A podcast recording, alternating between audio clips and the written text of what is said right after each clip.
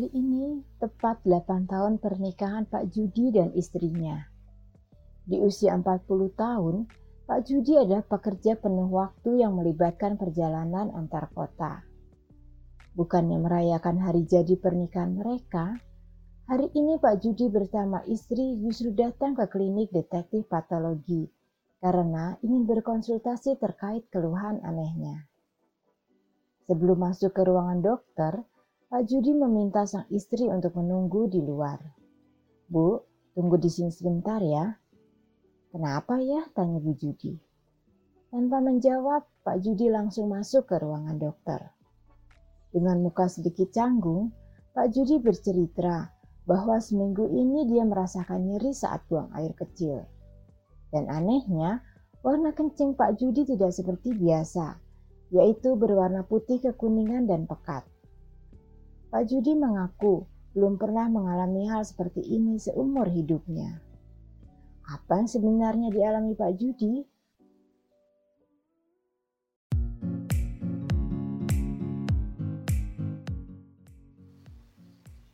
Relatif Perspektif Podcast adalah podcast yang bertujuan menjadi jembatan agar masyarakat luas paham akan isu kesehatan.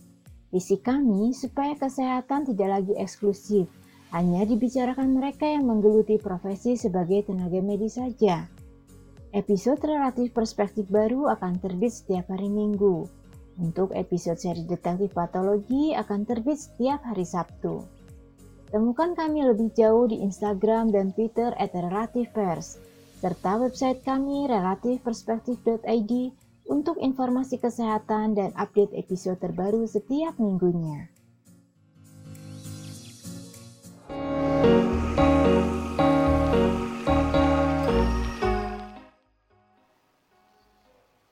Pendengar setia relatif perspektif podcast, seri detektif patologi, kembali lagi bersama saya Dr. Detektif Patologi di episode terbaru. Yuk simak cerita episode kali ini. Pak Judi adalah seorang suami sekaligus ayah pekerja keras. Dia bekerja amat keras, apalagi sebentar lagi anaknya akan memasuki usia sekolah. Tak heran dia jarang sekali pulang ke rumah agar kebutuhan keluarganya terpenuhi. Bahkan, terkadang setahun penuh dia tak pulang. Jikapun pulang, dia hanya sejenak saja tinggal di rumah. Hal seperti ini membuat kebutuhan biologis Pak Judi menjadi sering terbendung. Demi mengatasi hal itu, akhirnya Pak Judi memutuskan untuk melampiaskan kebutuhan biologis dengan jajan sembarangan atau melakukan hubungan seksual dengan orang lain. Dia sempat melakukan jajan sembarangan beberapa kali sebelum pulang kampung. Pak Judi tidak pernah menyadari apa yang akan menimpa dirinya. Sampai seminggu lalu, saat sampai di rumah, dia baru mengalami keluhan anehnya. Karena takut, akhirnya Pak Judi minta ditemani istri untuk memeriksakan diri ke dokter. Saat itu tengah hari menjelang jam istirahat. Pasien dengan nomor antrean terakhir datang. Saya amati ada sedikit keganjilan pada pasien ini. Masuk dengan langkah terburu-buru dan kedua tangannya di bawah perut, serta muka cemas dia menghampiri meja saya. Selamat siang Pak, silahkan duduk. Ada yang bisa saya bantu? Saya menyapa sambil tersenyum. Selamat siang dok, Anu dok, saya anu ujarnya saat dia duduk dan bicara dengan ragu-ragu. Melihat keraguan-raguan dan kecemasan pasien, saya mencoba menenangkannya. Tenang Pak, privasi Anda akan kami jamin. Saya siap mendengarkan keluhan Bapak. Percakapan pun dimulai. Begini dok, saat kencing saya merasa sakit. Alat kelamin saya pun seperti bengkak dan kemerahan.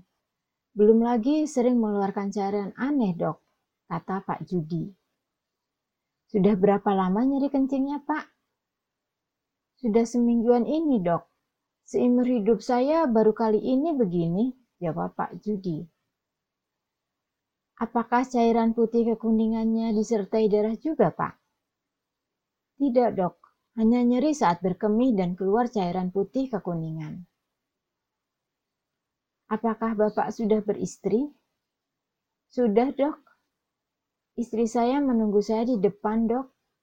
Pak Judi menjawab dengan cemas sambil menoleh ke pintu yang tertutup. Saya jadi penasaran dan curiga. Kenapa tidak diminta ditemani ke dalam, Pak? Tanya saya untuk mencari tahu. Saya malu, dok, dengan apa yang saya alami. Jawab Pak Judi perlahan. Oh, begitu. Timpal saya mencoba berempati. Sejak kapan Pak Judi merasakan keluhan ini? Sejak seminggu lalu, dok, setelah saya pulang kerja. Awalnya saat kencing saya merasa nyeri, kemudian keluhan bertambah, ada gatal dan panas. Lalu kemarin saya rasa ada cairan putih kekuningan berserta air kencing, dan berlangsung sampai hari ini, Pak Judi menjelaskan. Apakah air kencingnya disertai darah? Tidak dokter, hanya itu saja. Apakah Bapak mengalami demam? Tidak ada demam, dokter. Bagaimana dengan kondisi daerah kelamin Bapak? Apakah selalu membersihkan setelah buang air kecil? Apakah pernah mengalami trauma? Saya selalu membersihkan daerah kelamin saya, dok, dan tidak pernah mengalami terbentur apa pun. Apakah di keluarga Pak Judi ada yang memiliki riwayat batu ginjal? Ada dok, bapak saya punya riwayat batu ginjal. Pekerjaannya apa ya Pak Judi? Apakah pekerjaan Bapak mengharuskan jauh dari rumah dalam waktu yang lama? Kalau boleh saya tahu? Ya dok, pekerjaan saya melibatkan perjalanan antar kota dan penuh waktu. Makanya kepulangan saya tidak tentu. Kadang tiga bulan sekali, enam bulan, bahkan rekor saya pernah satu tahun tidak pulang dok. Maaf Pak, sebelumnya, kapan terakhir Pak Judi berhubungan dengan istri? Baru semalam, dokter. Mohon maaf lagi sebelumnya, Pak. Ketika bekerja dan tidak bertemu istri dalam waktu yang lama, apakah Bapak pernah melampiaskan kepada selain istri Bapak? Waduh, bagaimana ya, Dok? Iya, saya pernah beberapa kali jajan sembarangan, jawabnya dengan gugup. Hmm, kalau dilihat dari penjelasannya, Pak Judi sepertinya punya kemungkinan gangguan ginjal, infeksi uretra, dan gonore. Pikir saya. Baiklah Pak, saya ada beberapa kecurigaan terhadap penyakit Bapak. Tapi kita coba lakukan beberapa pengecekan dulu ya Pak. Pemeriksaan fisik dan pengambilan cairan urine, saya menjelaskan. Baik dokter, Pak Judi mengiyakan.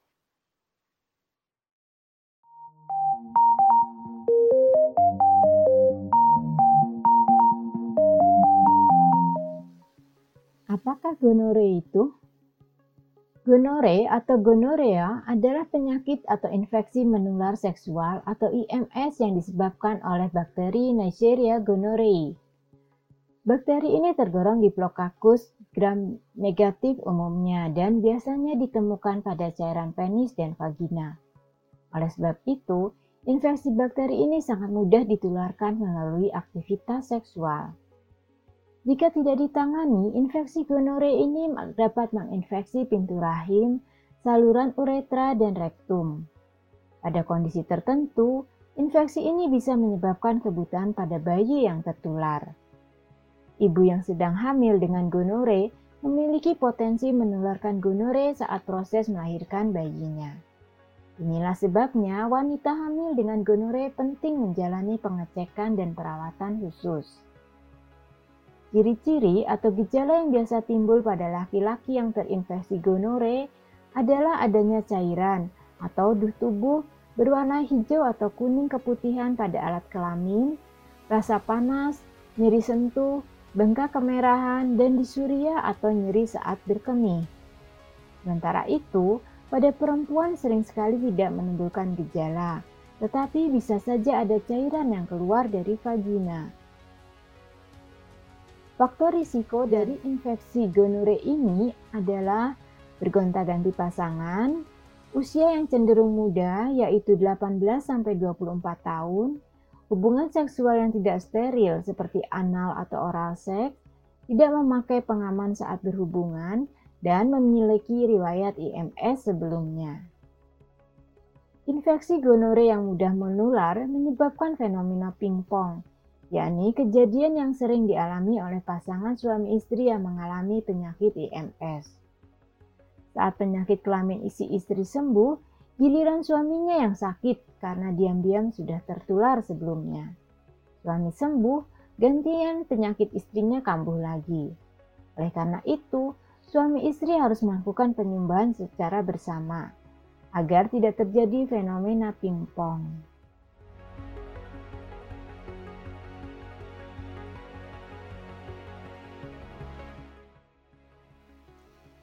Pemeriksaan fisik pun dilakukan, mulai dari inspeksi atau mengamati adanya cairan atau duh tubuh dan edema atau bengkak kemerahan pada alat kelamin. Kemudian, dilakukan palpasi atau pemeriksaan dengan jalan meraba untuk memastikan ada nyeri sentuh. Lalu, pemeriksaan penunjang pun dilakukan berupa pemeriksaan urine lengkap atau urin analisis. Ini adalah pemeriksaan urina secara makroskopis, analisis kimia, dan mikroskopis.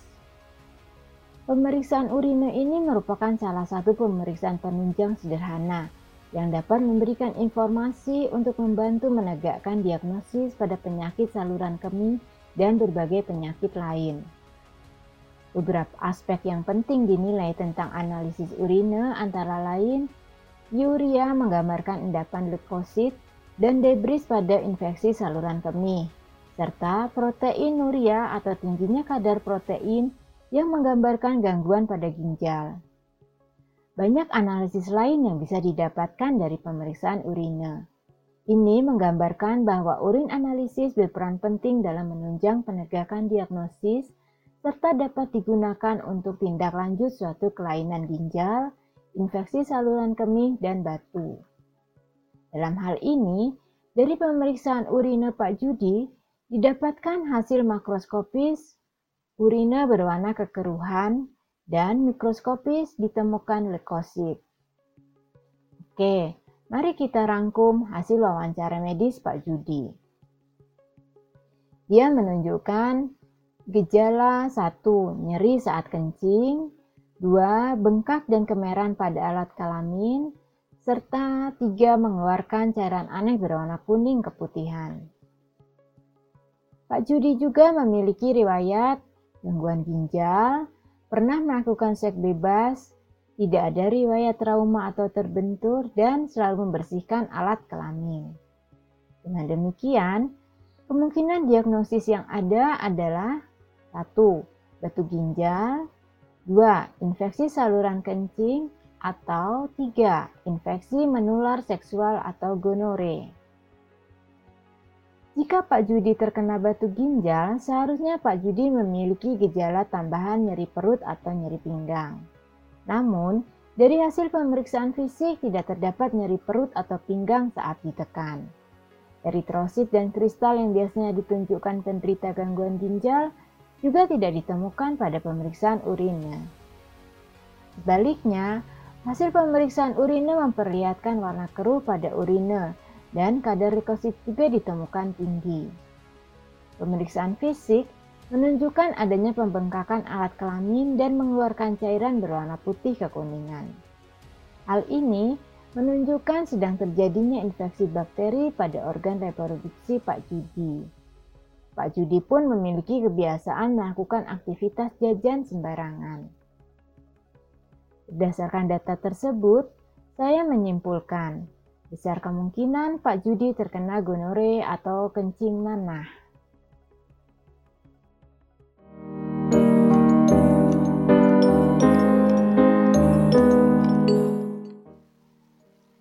Dari keluhan Pak Judi, serta telah diketahui bahwa dia mengalami infeksi gonore, maka ada dua penanganan.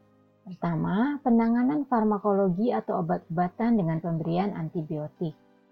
Kedua, penanganan non-farmakologi, yaitu dengan melibatkan pasangan seksual dalam evaluasi pengobatan, menghindari kontak seksual hingga pengobatan selesai, memberikan edukasi terkait risiko infeksi gonore, dan menganjurkan istri menjalani perawatan khusus jika sedang mengandung.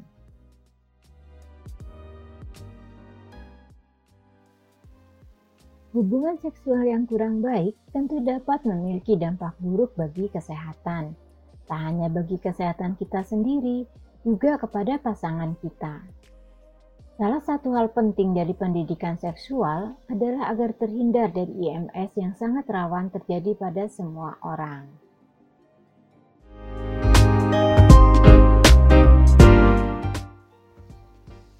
Sekian ilustrasi kasus kali ini. Sampai bertemu kembali di seri detektif patologi berikutnya dari Relatif Perspektif Podcast. Jangan lupa kalau kalian suka episode podcast ini, follow podcast kami dan share ke teman-teman kalian, supaya mereka juga mendapatkan manfaat yang sama. Jangan lupa juga untuk follow Instagram dan Twitter kami @relativepers serta website terbaru kami relativperspektif.id untuk informasi kesehatan dan update episode terbaru setiap minggunya. Sampai ketemu di episode Relatif Perspektif selanjutnya.